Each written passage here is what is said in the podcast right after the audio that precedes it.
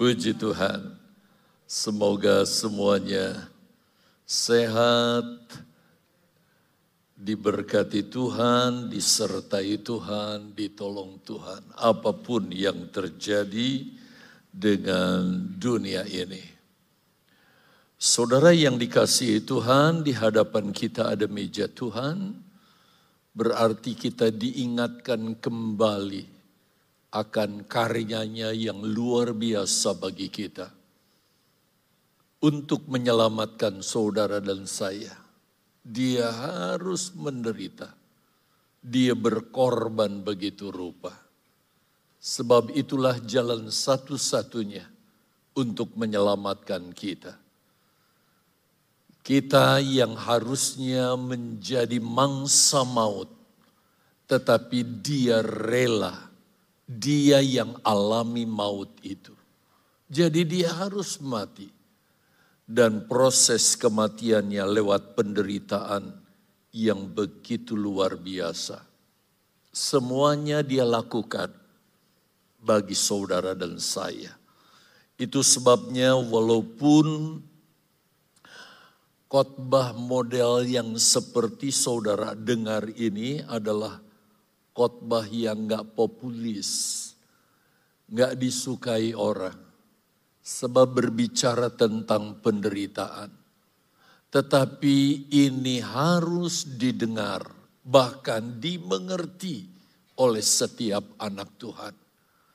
Bahkan menjelang kedatangannya kedua kali, banyak anak-anak Tuhan yang harus mengalami pengalaman ini. Itu sebabnya tidak ada alasan untuk kita tidak memberitakan kabar ini. Tidak berbicara tentang topik seperti ini. Judulnya umum biasa, totalitas jemaat Smyrna yang sudah kita bahas beberapa minggu yang lalu. Tadinya saya mau skip saja lewat langsung kita ke Pergamus, jemaat berikutnya. Tetapi saya akan bersalah di hadapan Tuhan kalau saya melewatkan ini. Walaupun sekali lagi di telinga kita rasanya nggak enak berita seperti ini. Mari kita lanjutkan bahasan kita dengan ayat yang ke-10 dan ayat 11 dari kitab Wahyu pasal yang kedua tentang jemaat di Smyrna. Hanya ada empat ayat, 8, 9, 10, 11. Ayat 8 dan 9 sudah kita bahas. Kita tuntaskan dengan ayat 10 dan 11. Apa kata firman Allah? Saudara perhatikan, jangan takut terhadap apa yang harus engkau derita. Saudara sebagai pengikut Yesus tidak bisa tidak. Kita juga harus menanggung hal yang sama. Nggak enak kan? Kalau yang harus kita terima adalah berkat, wow haleluya.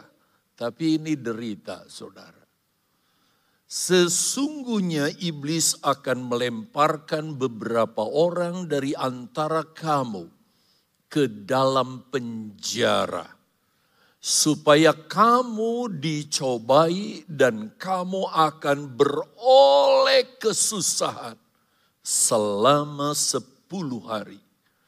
Hendaklah engkau setia sampai mati.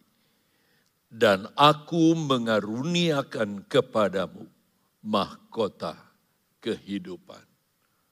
Jadi untuk terima mahkota kehidupan, jalannya saudara sudah baca. Kita pindah ke ayat yang ke-11. Siapa yang bertelinga, kita semua datang dengan membawa telinga. Berarti kita mendengar berita ini. Kita harus terima berita ini. Hendaklah ia mendengarkan apa yang dikatakan roh kepada jemaat-jemaat. Apa katanya? Barang siapa menang, ia akan menderita, ia tidak akan menderita apa-apa oleh kematian yang kedua. Kalau kita jadi orang Kristen yang menanggung penderitaan seperti yang Yesus alami, kita dijamin kita tidak akan tersentuh dengan yang namanya kematian yang kedua. Nah, apakah yang dimaksud kematian yang kedua di sini? Kita ikuti. Saudara, tentu saya tidak akan membahas ini secara detail sehubungan dengan waktu yang terbatas dan pada umumnya juga kita sebagai pengikut Yesus kita mengerti kewajiban penderitaan yang harus kita tanggung sebagai anak Tuhan. Beberapa minggu yang lalu kita sudah bahas tentang totalitas jemaat Smyrna di mana dalam pengiringan mereka kepada Yesus digambarkan sebagai gereja yang sempurna, luar biasa. Jadi profil pengiringan jemaat Smyrna ini, cara kekristenan jemaat Smyrna adalah gambaran dari gereja yang sempurna yang akan muncul di akhir zaman. Dan saya selaku gembala bertanggung jawab untuk hal ini. Itu sebabnya saya tidak sembunyikan berita seperti ini. Pada umumnya orang berdiri di sini ingin menyenangkan jemaat dengan berita-berita berkat dan sebagainya. Tetapi firman Allah tidak kami mengajar seperti itu mutlak. Tidak salah itu disampaikan, diberitakan. Tetapi kita harus beritakan secara keseimbangan. Apa yang dikatakan firman Allah itu harus disampaikan kepada jemaat kalau tidak kami bertanggung jawab kepada Tuhan. Yos, kenapa jemaatnya modelnya begitu? Habis kamu sembunyikan berita itu. Saya tidak mau menjadi hamba Tuhan seperti itu. Mengapa jemaat di Smyrna digambarkan sebagai gereja yang sempurna karena sebagaimana telah kita bahas beberapa waktu yang lalu. Saudara bisa melihat sekedar melihat Wahyu pasal 2 ayat yang ke-8 walaupun jemaat Smyrna mengalami begitu banyak kesusahan, penderitaan dalam pengiringan mereka kepada Yesus. Tetapi di mata Yesus, dalam penilaian Yesus secara rohani, jemaat Smyrna, jemaat yang kaya. Kalau dilihat dari ukuran materi, kalau dilihat dari ukuran keadaan jasmani jemaat Smyrna, jauh seperti yang sering kali digambarkan tentang seorang pengikut Yesus. Kalau kita ikut Yesus diberkati, usaha jadi maju, rumah ditambahkan, banyak harta yang ditambahkan dan sebagainya ukurannya materi. Tidak. Di mata Yesus, walaupun jemaat Smyrna keadaannya sungguh-sungguh memprihatinkan. Miskin. Bahkan mengalami berbagai-bagai aniaya begitu rupa. Tapi berdasarkan kacamata ilahi. Jemaat Smyrna, jemaat yang kaya secara rohani. Tentu kita ingin saudara diberkati secara jasmani dan diberkati secara rohani. Tetapi jemaat Smyrna adalah jemaat yang siap menanggung apa pun keadaannya.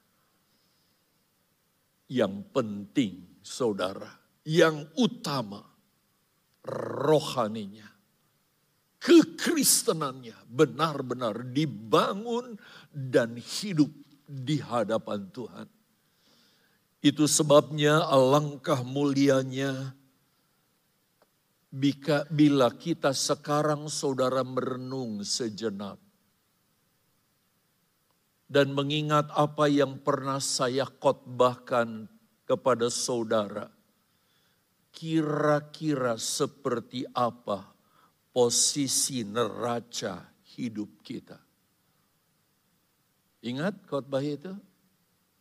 Neraca serong apa katanya? Kekejian bagi Tuhan.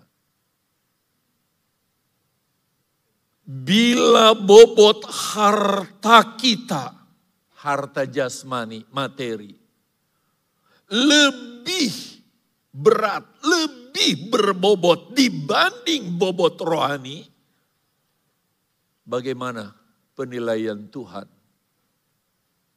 dengan kita? Satu menit aja, saudara renungkan, kira-kira gimana posisi kita?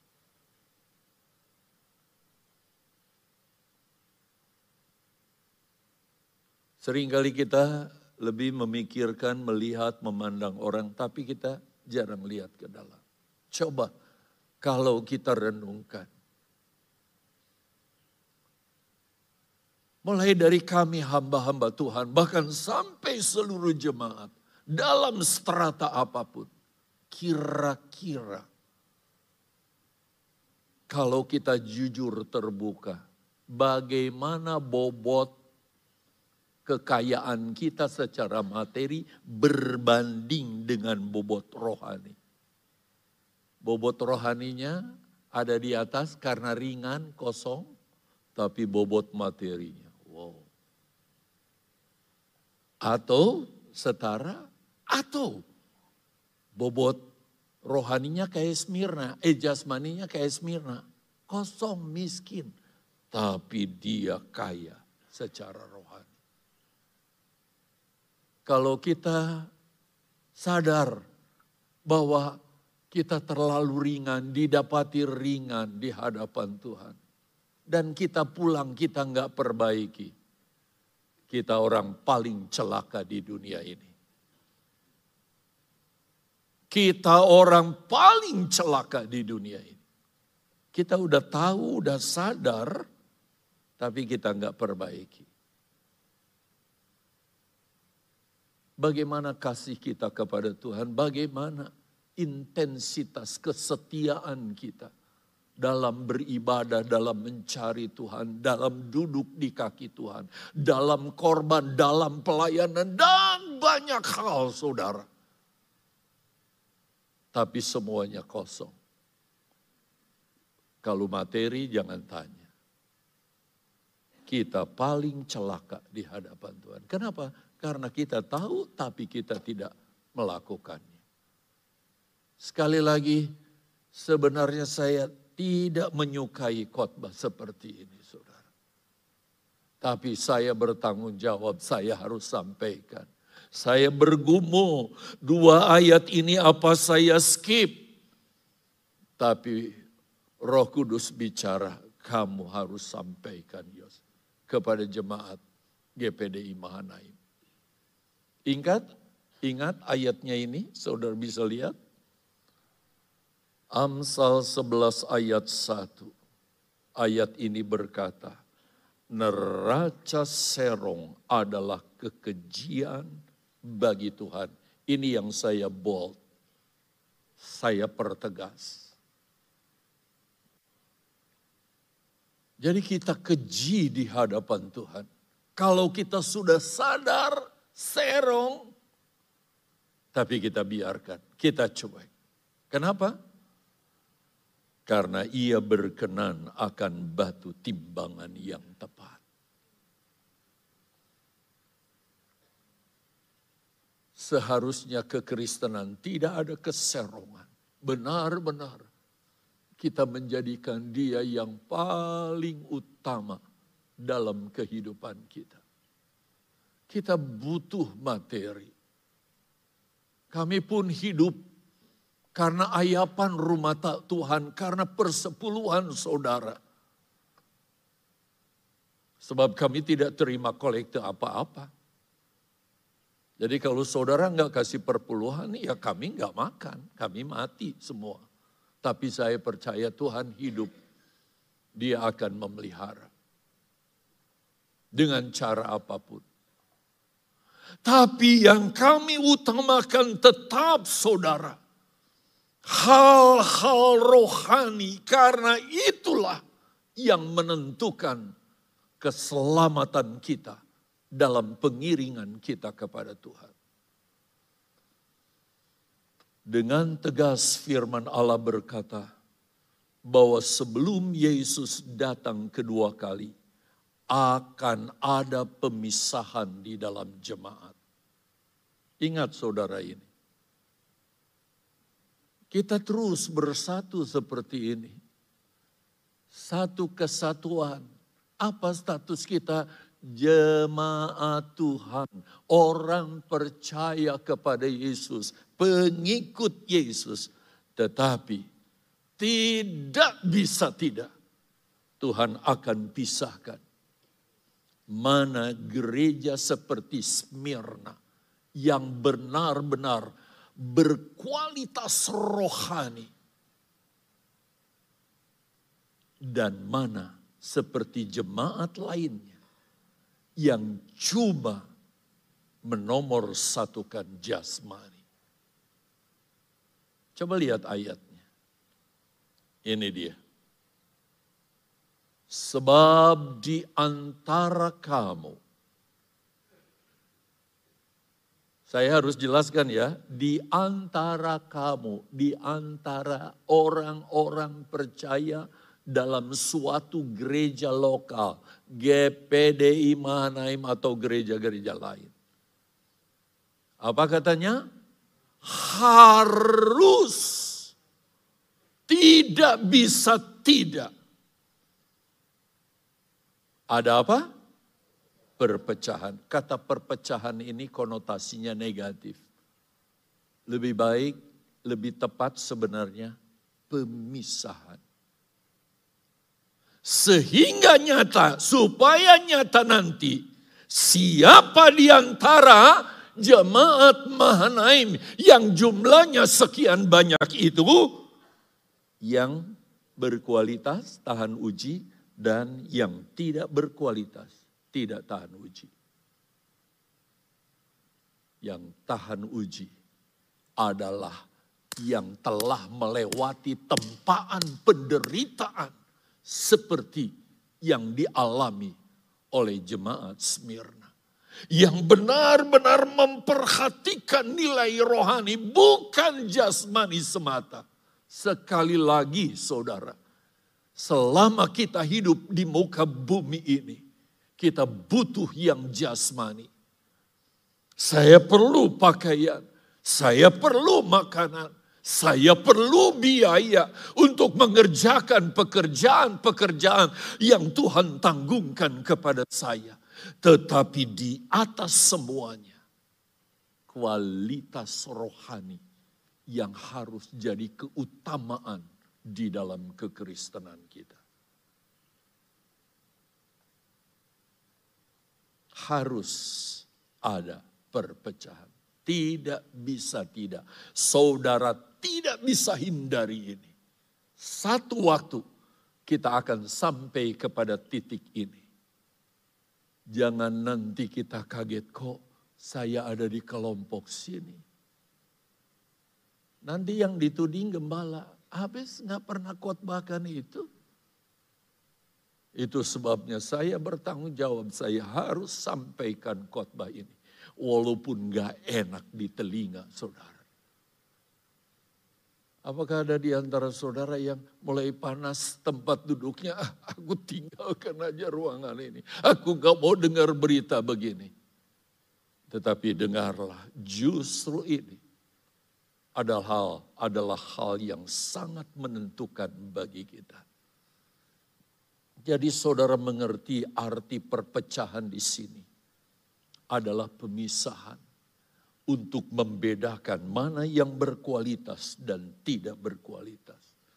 Tahan uji yang dimaksud di sini adalah bermutu.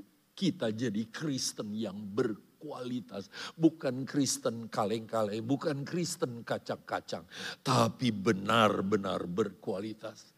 Sebab itu salah satu alat ukur untuk melihat kualitas iman, kualitas kekuatan rohani, kualitas kesetiaan kita kepada Yesus. Itu diukur dari penderitaan yang kita tanggung sebagai pengikut Kristus. Kualitas kekristenan. Sebab itu Bapak Ibu Saudara yang dikasihi oleh Tuhan, setiap pengikut Yesus harus tahu dan harus alami yang namanya penderitaan dalam kekristenan kita sejak dini. Sejak dini. Bayangkan, Yesus jelaskan ini kepada pengikutnya bukan nanti setelah pengikutnya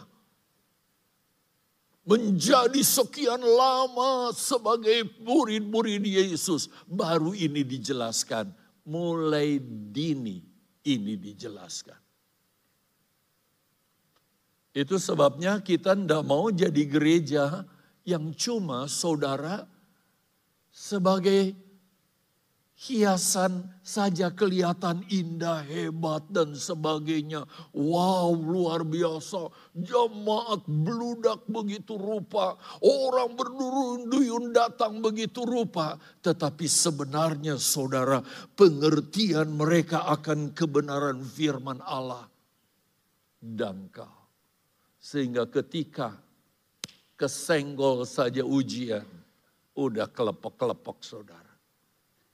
Sebab itu Yesus sejak awal kepada setiap pengikutnya. Bahwa setiap orang yang mau mengikut Yesus harus alami ujian, tantangan, pencobaan. Coba kita lihat ayatnya. Matius 16 ayat yang ke-24. Jemaat lihat ini. Ini Yesus ini. Kalau saya sembunyikan ini, saya jahat, saudara. Kalau ada pendeta sembunyikan ini, ini jahat. Itu sebabnya ketika saya bergumul mau skip ini dua ayat 10 dan 11. Waduh, saya gak mau melawan Tuhan. Gak mau. Apa kata Yesus? Lalu Yesus berkata kepada murid-muridnya, "Setiap orang yang mau mengikut Aku, ia harus menyangkal keinginan-keinginan daging, keinginan jasmani belaka harus dilawannya, ditolaknya. Terus memikul salib. Memikul salib di sini Bukan secara fisik ya saudara kita bikin salib lalu kita pikul-pikul. Kayak sering diperagakan kalau saudara pergi ke Israel. Ingat kan? Via Dolorosa tersedia beberapa salib dengan berbagai ukuran sesuai dengan kemampuan. Enggak ada gunanya itu. Tapi salib yang kita pikul adalah bagaimana hidup sesuai kebenaran firman Allah itu. bukanlah hal yang mudah, tetapi menyakitkan dan teramat berat. Lalu mengikut aku, kata Yesus. Ini diajarkan sejak dini. Bahkan di ayat 25, yuk kita lihat ayat 25. Karena barang siapa mau menyelamatkan nyawanya, cuma mau menyenangkan jasmani. Ia akan kehilangan nyawanya. Dia akan dia tidak akan menerima keselamatan. Tetapi barang siapa kehilangan nyawanya karena aku. Sampai kehilangan nyawa karena mengikut Yesus. Ia akan memperolehnya. Kita akan terima kehidupan yang kekal, kemuliaan itu. Itu kekristenan saudara. Ini baru yang namanya kekristenan. Jadi kekristenan bukan senang-senang belaka. Betul kalau kita berdoa dengan iman Tuhan pulihkan, sembuhkan. Tetapi ada salib yang harus kita pikul. Yang tidak kita bisa menafikannya. Itu sebabnya sebagai sebagaimana gereja Smyrna yang digambarkan sebagai gereja sempurna sebelumnya telah dinubuatkan akan alami penderitaan. Jadi kepada gereja Smyrna sudah diberitakan kamu akan menderita dan sebagainya. Itu sebabnya saudara tidak berlebih-lebihan. Kalau kepada jemaat GPDI Mahanaim pun gembala saudara harus menyampaikan ini. Harus menyampaikan ini.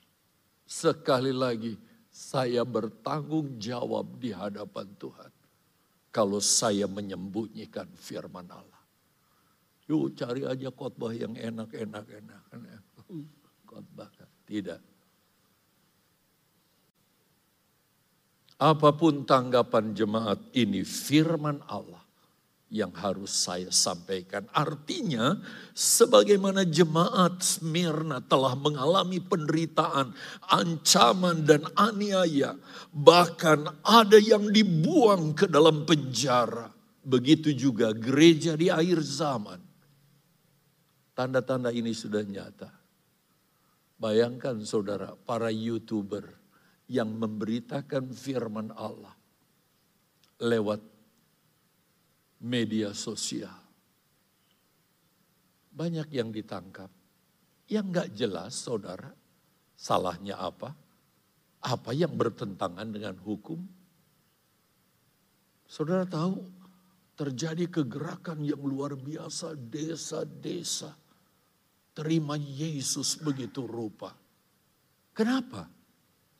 Karena mereka diam-diam dengar firman Allah lewat media sosial. Streaming, streaming dan sebagainya. Saudara mereka dengar.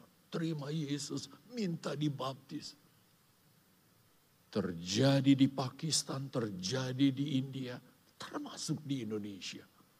Ada banyak desa-desa yang dimenangkan. Mereka percaya. Tetapi tidak sedikit hamba-hamba Tuhan, saudara, masuk penjara. Bahkan anak-anak Tuhan. Kalau saudara pernah nama, dengar orang Sunda namanya Muhammad Kace, gak jelas saudara.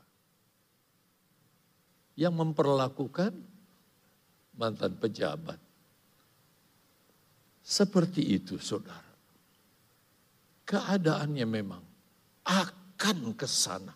Jadi saya tidak mau saudara datang ke gereja ini seperti anak kecil yang di Nina bobokan dengan permen-permen manis semua. Oh enak. tetapi itu tidak membawa pertumbuhan iman.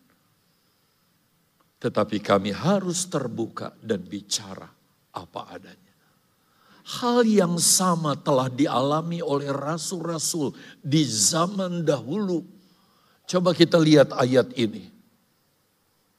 1 Petrus 4 ayat yang ke-12. Apa saudara? Paul Petrus berkata begini, saudara-saudara yang kekasih, janganlah kamu heran akan nyala api siksa yang yang datang kepadamu sebagai ujian seolah-olah sesuatu yang luar biasa terjadi atas kamu. Saudara pernah dengar kok ayat ini dijabarkan, diuraikan? Gak enak di tengah, diperdengarkan ke jemaat. Kita diingatkan bahwa akan ada api siksaan yang datang kepadamu. Kok jadi orang Kristen kayak gini? Tapi inilah jalannya. Inilah salib yang harus kita tanggung. Coba kita pindah ke ayat 13 sebaliknya. Seharusnya kalau kita dewasa kita bukan berduka cita. Bersuka citalah sesuai dengan bagian yang kamu dapat dalam penderitaan Kristus. Seperti kita makan minum perjamuan Tuhan. Demikian pun kita terima penderitaan yang sama. Supaya apa? Supaya kamu juga ber, boleh bergembira, bersuka cita. Pada waktu apa? Iya, Yesus menyatakan kemuliaannya. Mau senang sekarang tapi nanti menangis. Karena nggak masuk dalam bagian keluarga ilahi lebih kita tanggung sekarang penderitaan. Belajar itu dari sejak dini. Tanda-tanda sudah semakin dekat.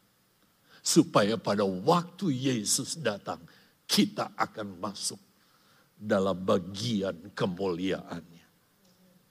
Nanti pada penutup saya akan jelaskan kepada saudara Sebagaimana penderitaan dan aniaya telah dialami oleh para pengikut Yesus di zaman gereja mula-mula. Saudara, dari 12 rasul hanya satu rasul yang tidak mati syahid. Selebihnya mati syahid. Bahkan Petrus ketika difonis hukum salib Salibnya seperti apa? Seperti Yesus begini. Aku mau menderita lebih dari itu. Dia minta disalib dengan kepala di bawah, kaki di atas. Yohanes sempat saudara dimasukkan ke dalam minyak panas menurut sejarah. Tetapi ternyata minyak panas seperti air sejuk. Semuanya kaget. Dia nggak mempan saudara mengalami itu. Akhirnya dia dibuang di pulau Patmos. Dan dia mati dalam usia tua. Satu-satunya.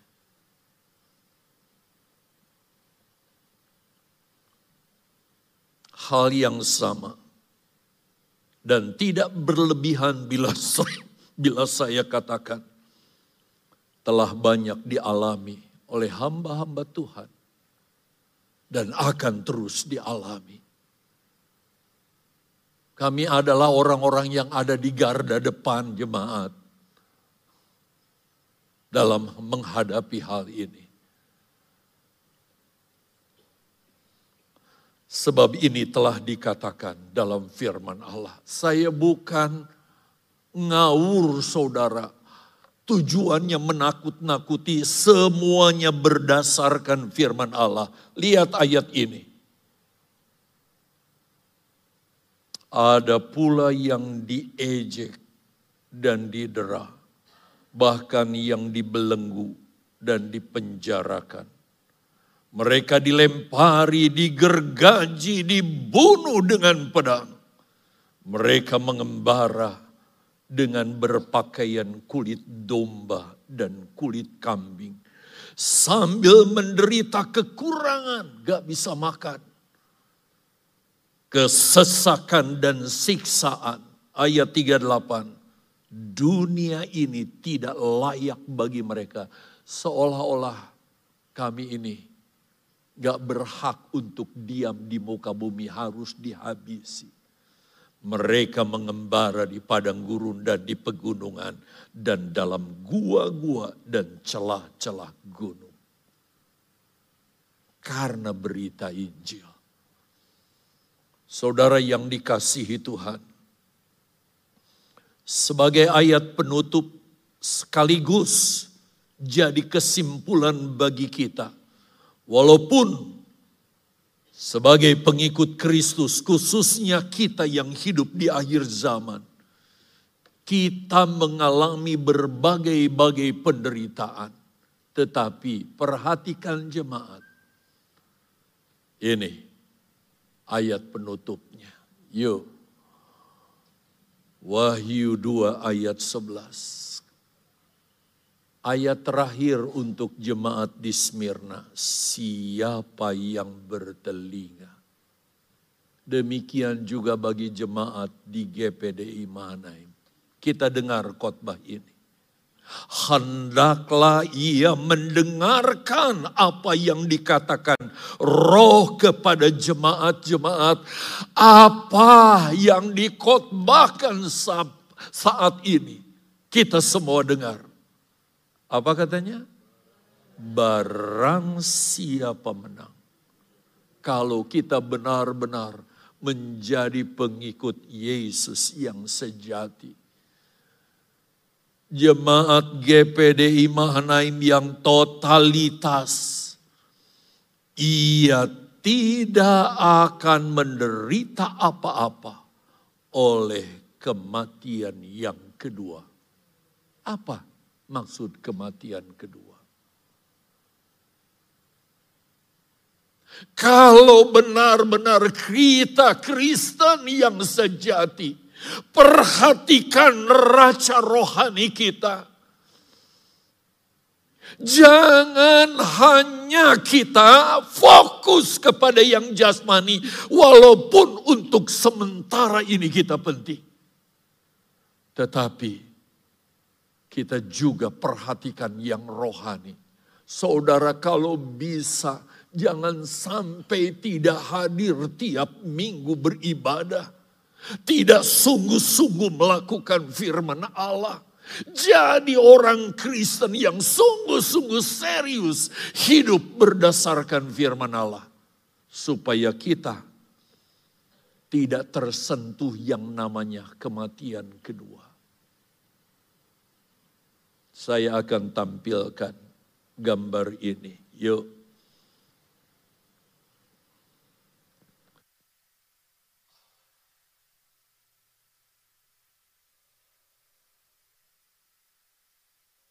Ya, saudara sudah tahu lah.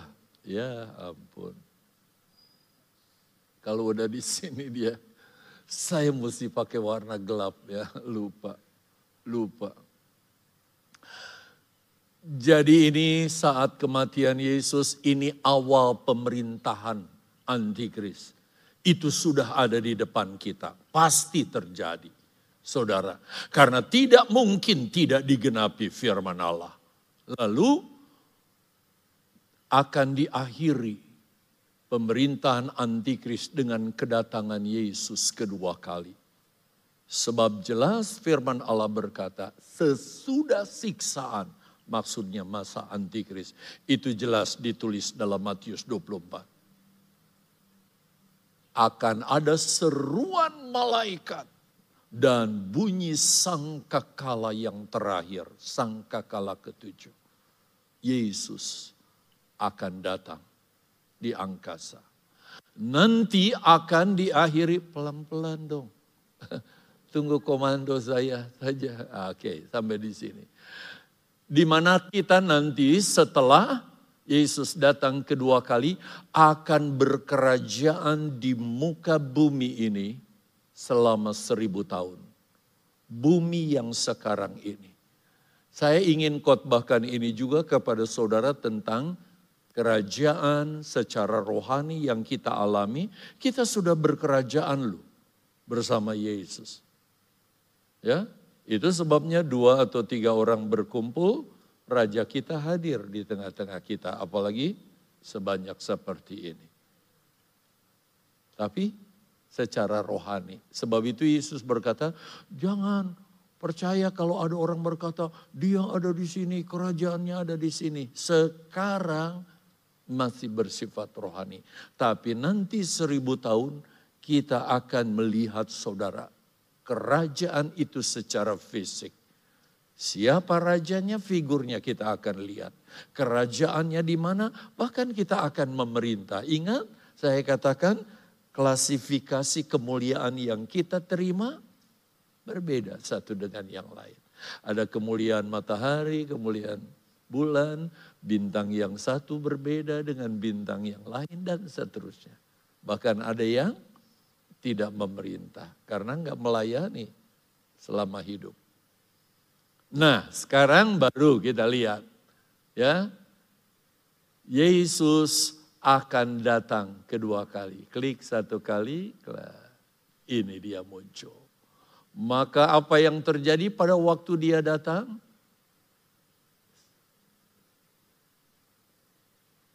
Terus, nah orang-orang percaya yang sudah mati terlebih dahulu kekasih-kekasih kita yang mendahului kita akan dibangkitkan. Jadi saya wakilkan dengan gambar satu orang ya.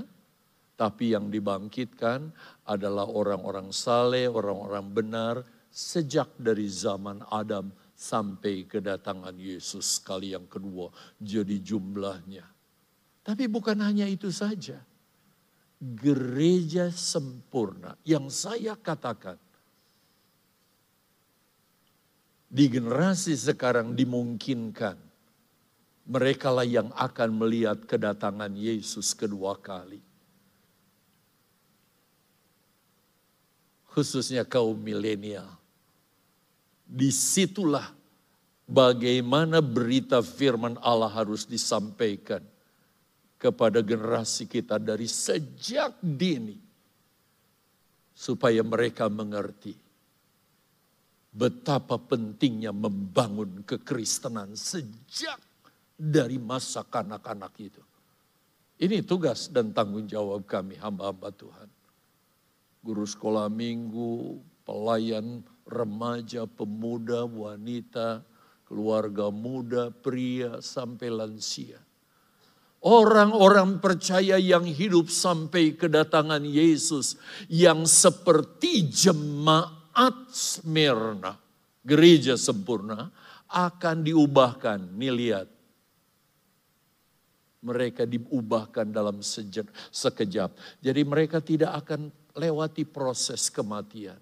Tapi diubahkan. Lalu akan menyongsong Tuhan di angkasa. Berikutnya juga. Ini yang kita orang-orang dulu nyanyikan ya. Ada pertemuan. Eh udah muncul duluan. Tunggu dong bro, kekasih. Maka setiap orang yang dibangkitkan dan diubahkan pada kebangkitan pertama lihat. Dan mereka yang diubahkan tubuh gereja sempurna. Mereka inilah yang tidak akan tersentuh baru diklik kematian kedua. Di mana mereka dibangkitkan, perhatikan kepada saya Bapak Ibu, dengan tubuh yang baru. Tetapi untuk apa? Untuk dimasukkan ke dalam neraka yang kekal setelah berakhir kerajaan seribu tahun. Jadi orang-orang yang masuk neraka itu orang-orang yang gak akan mati. Tapi tersiksa selama-lamanya di dalam neraka. Dan jemaat Smyrna diingatkan. Kamu tidak akan tersentuh. Saya juga ingin sampaikan kepada saudara. Saudara dan saya, kita semua tidak akan tersentuh yang namanya kematian kedua kalau pengiringan kita kepada Yesus adalah pengiringan yang sungguh-sungguh. Neraca kita tidak serong, tetapi benar-benar kita perhatikan yang rohani ini, sehingga kita alami kemuliaan yang luar biasa bersama dengan Yesus.